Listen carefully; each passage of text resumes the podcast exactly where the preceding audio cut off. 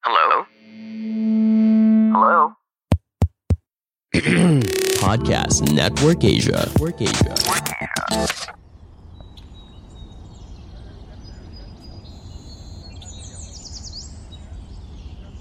Pagi datang dengan gemilang. Sinar mentari bersinar menyeruak di kemah utama, menggoda mata Peleus yang terpejam. Suara kesibukan di luar tenda pun terdengar. Kayu ditebang, para kapten pasukan memeriahkan perintah, dan para prajurit dengan penuh semangat bahu-membahu memindahkan batu. Peleus pun kemudian tersadar dan membuka matanya. Tangannya meraih sisi peraduannya, berusaha bangkit, namun rasa nyeri di dada tiba-tiba muncul mencegahnya untuk bangkit.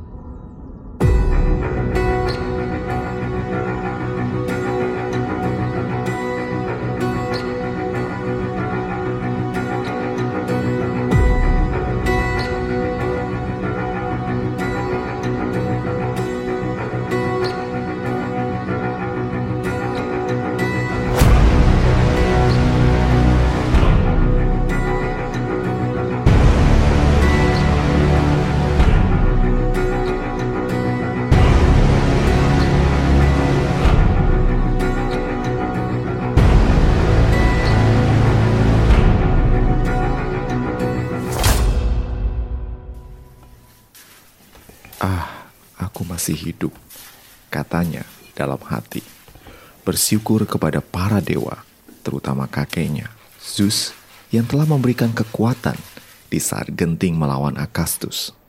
Tak lama kemudian, seseorang masuk ke tenda. Jalannya agak pincang, dan ketika dirinya nampak di hadapan Peleus, jelaslah dia adalah Jason, sahabatnya. Wah, baru bangun loh. Lama juga tidurnya. Kata Jason kepada Peleus yang baru saja sempat bangun. Ah, berapa lama gua pingsan bro? Gak lama sih, cuma dua minggu. Gue kira lu udah mau mokat. Tapi Pak Guru Kiron mampir sama satu anak muda. Katanya sih anak Apollo. Dia yang ngasih obat buat racun Akastus. So, gimana keadaan lu sekarang? Ah, jauh mendingan sih. Ada apa sih di luar rame amat? Oh, sini, lihat aja sendiri. Jason memapah Peleus keluar dari tenda, dan tampaklah asal-usul suara yang didengarnya. Para prajurit Sparta, Myrmidon, dan Lapida tampak sedang sibuk membangun kembali ibu kota yang terbakar oleh ulah Akastus. Para prajurit bekerja bersama penduduk kota membangun kembali rumah dan kota mereka. Satu hari nanti, Iolcus akan menjadi kota kebanggaan bangsa Yunani. Kumam Jason. Dan demikianlah.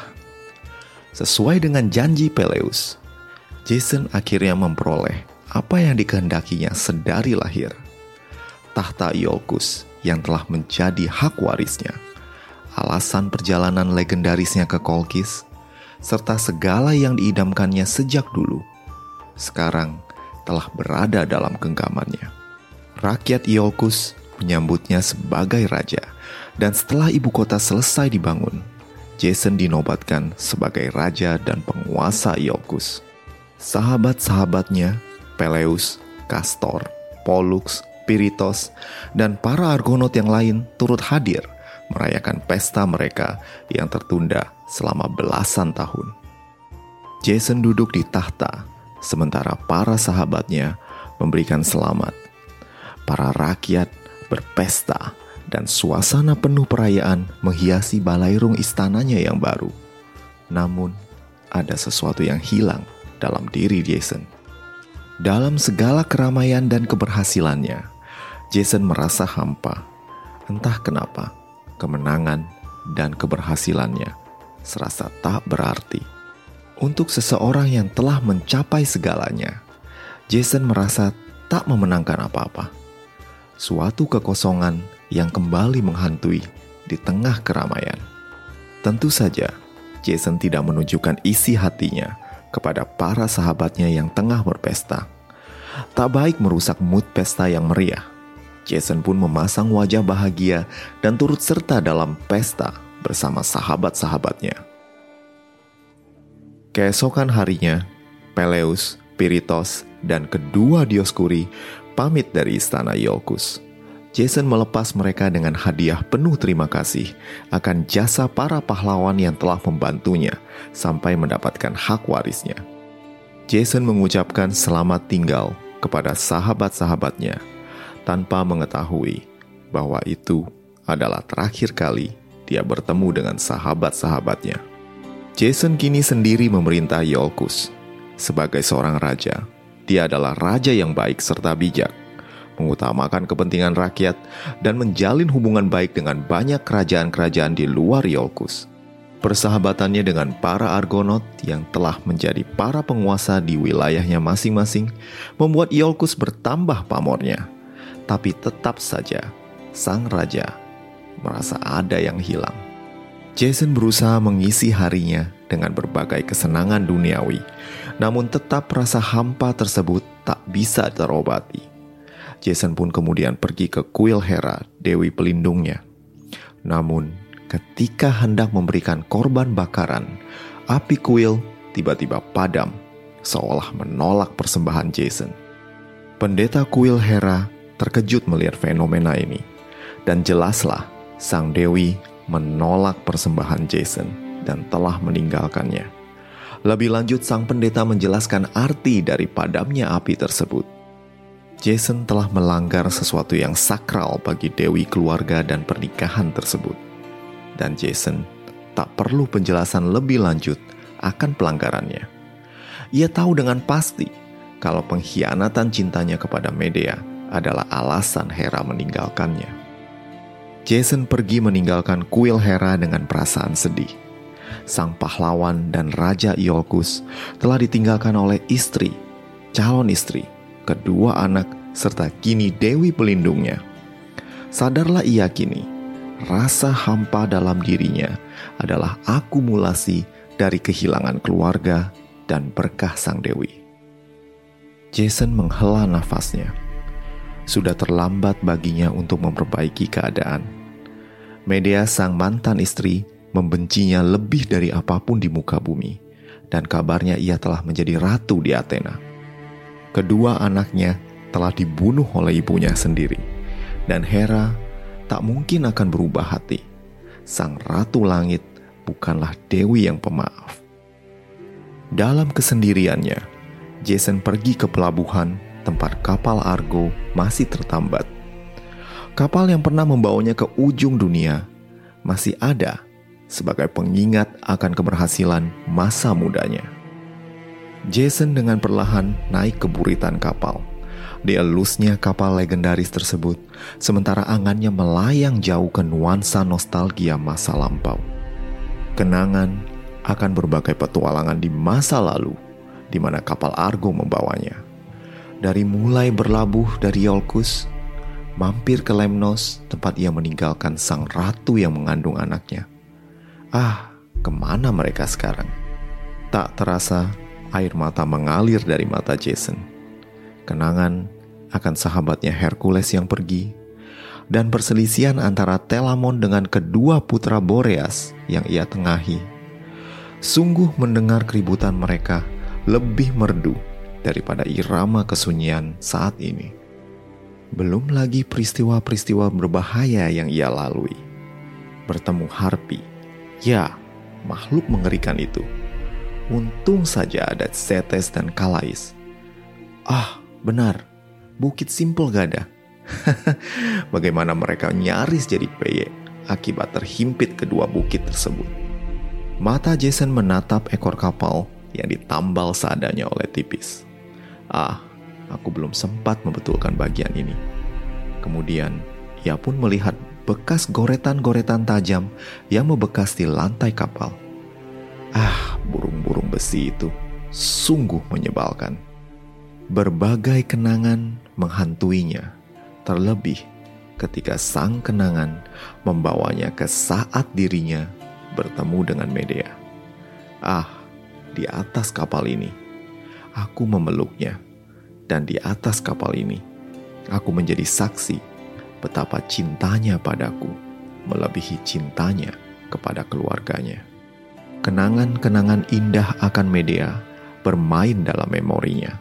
Bagaimana media menolongnya menghadapi ujian-ujian ayahnya. Bagaimana media membawanya keluar dari berbagai rintangan yang dialami di laut dan di darat. Sungguh, Jason kini merasa dirinya tak tahu berterima kasih. Dirinya tersadar akan bagaimana media telah berkorban begitu banyak untuknya. Air mata kembali mengalir lutut sang pahlawan tak sanggup menopang dirinya, dan Jason pun terduduk, kepalanya menunduk dengan penuh penyesalan. Ya, inilah yang dikatakan sebagai kemenangan yang kosong. Walau berhasil mendapatkan tahta Iokus, Jason tak mendapatkan apa yang sebenarnya hilang dalam dirinya: cinta dan keutuhan keluarga. Seandainya saja waktu dapat berputar dan kesalahan bisa diperbaiki. Sayangnya, para nasib telah menggariskan hidup Jason demikian. Sang pahlawan yang lahir dari pasangan manusia fana berhasil menjadi pemimpin para pahlawan kenamaan menuju ujung dunia. Dan setelah berbagai prahara berhasil mendapatkan hak warisnya hanya untuk berakhir di sini.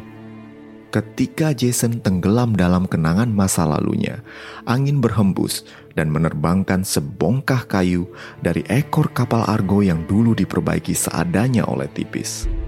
Bongkahan kayu tersebut menghantam kepala Jason yang kemudian tewas seketika. Sesuai dengan ramalan media bahwa Jason akan meninggal layaknya orang biasa. Demikianlah sang pahlawan domba bulu emas, Raja Iolcus, mangkat di kapal Argo, kapal yang telah membawanya menuju kemasyuran. Sementara itu di Akropolis Athena, sesosok figur yang telah kita kenal menatap ke arah barat laut. Rambutnya yang kemerahan tergerai ditiup oleh hembusan angin musim panas. Matanya yang hijau tampak sendu Bibirnya yang tipis tersenyum, seolah menyiratkan suatu kemenangan.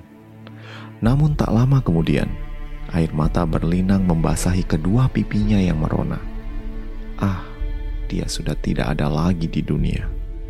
Demikian gumamnya.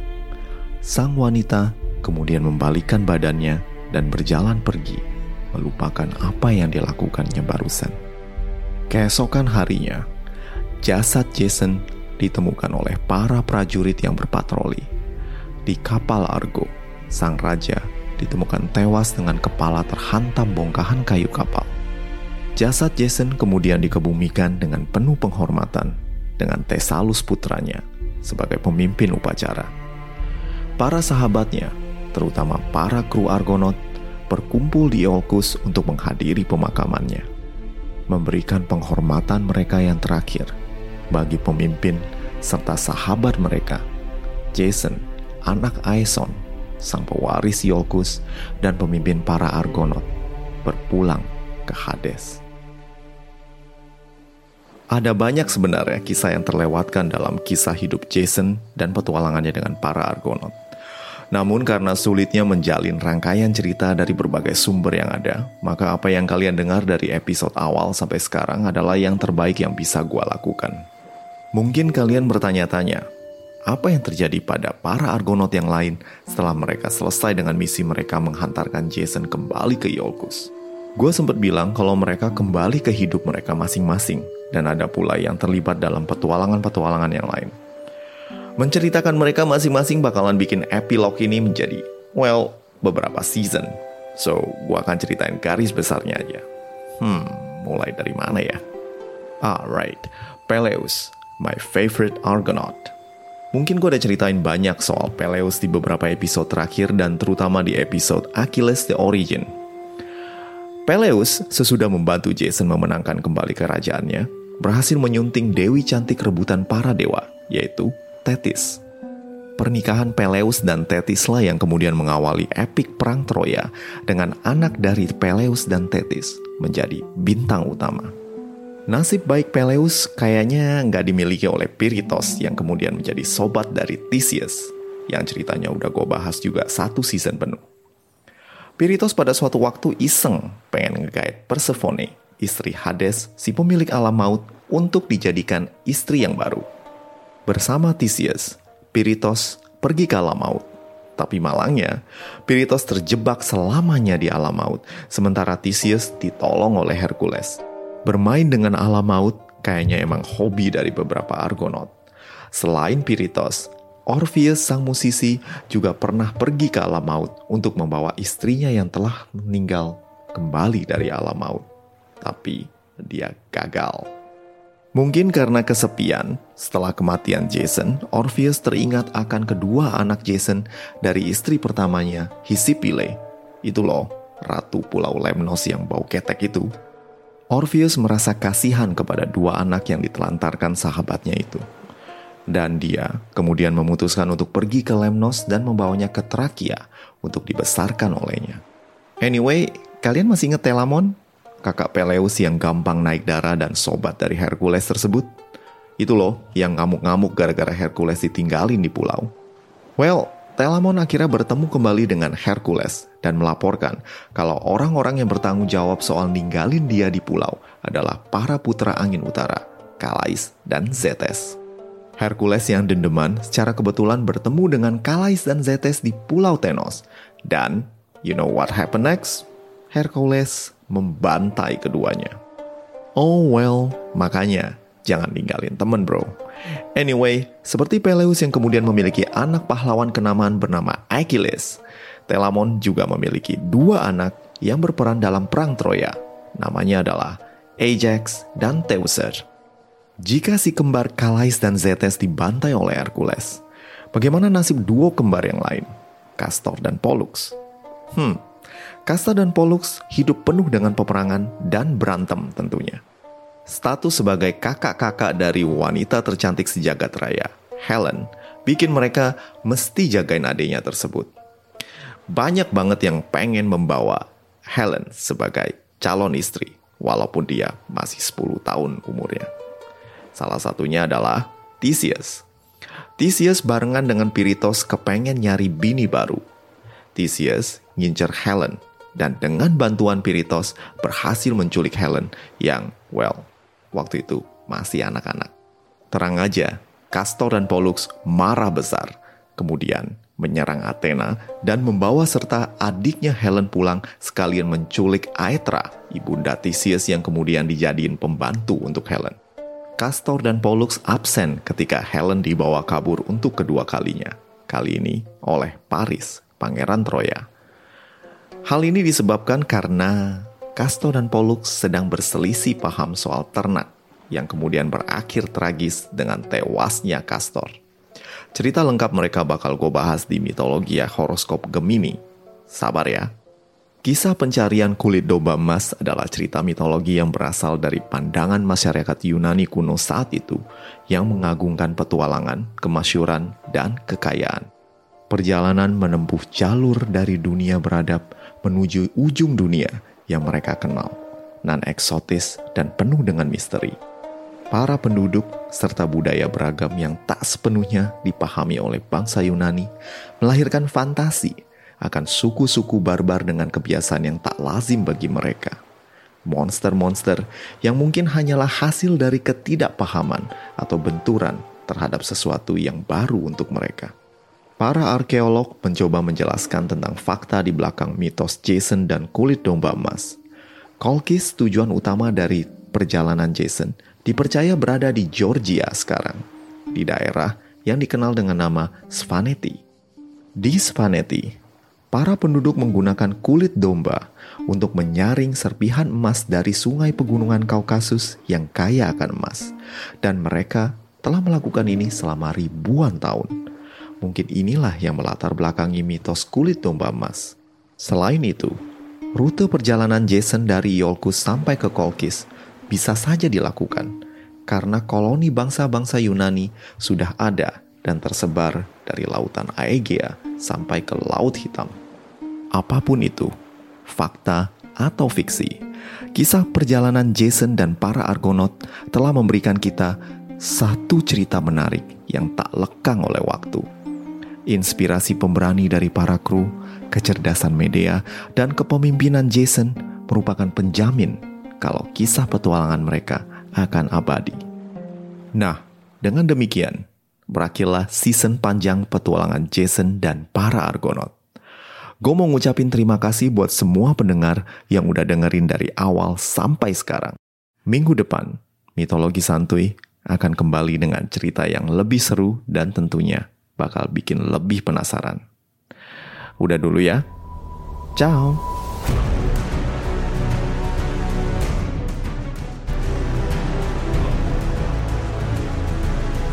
Pandangan dan opini yang disampaikan oleh kreator podcast, host, dan tamu tidak mencerminkan kebijakan resmi dan bagian dari podcast Network Asia.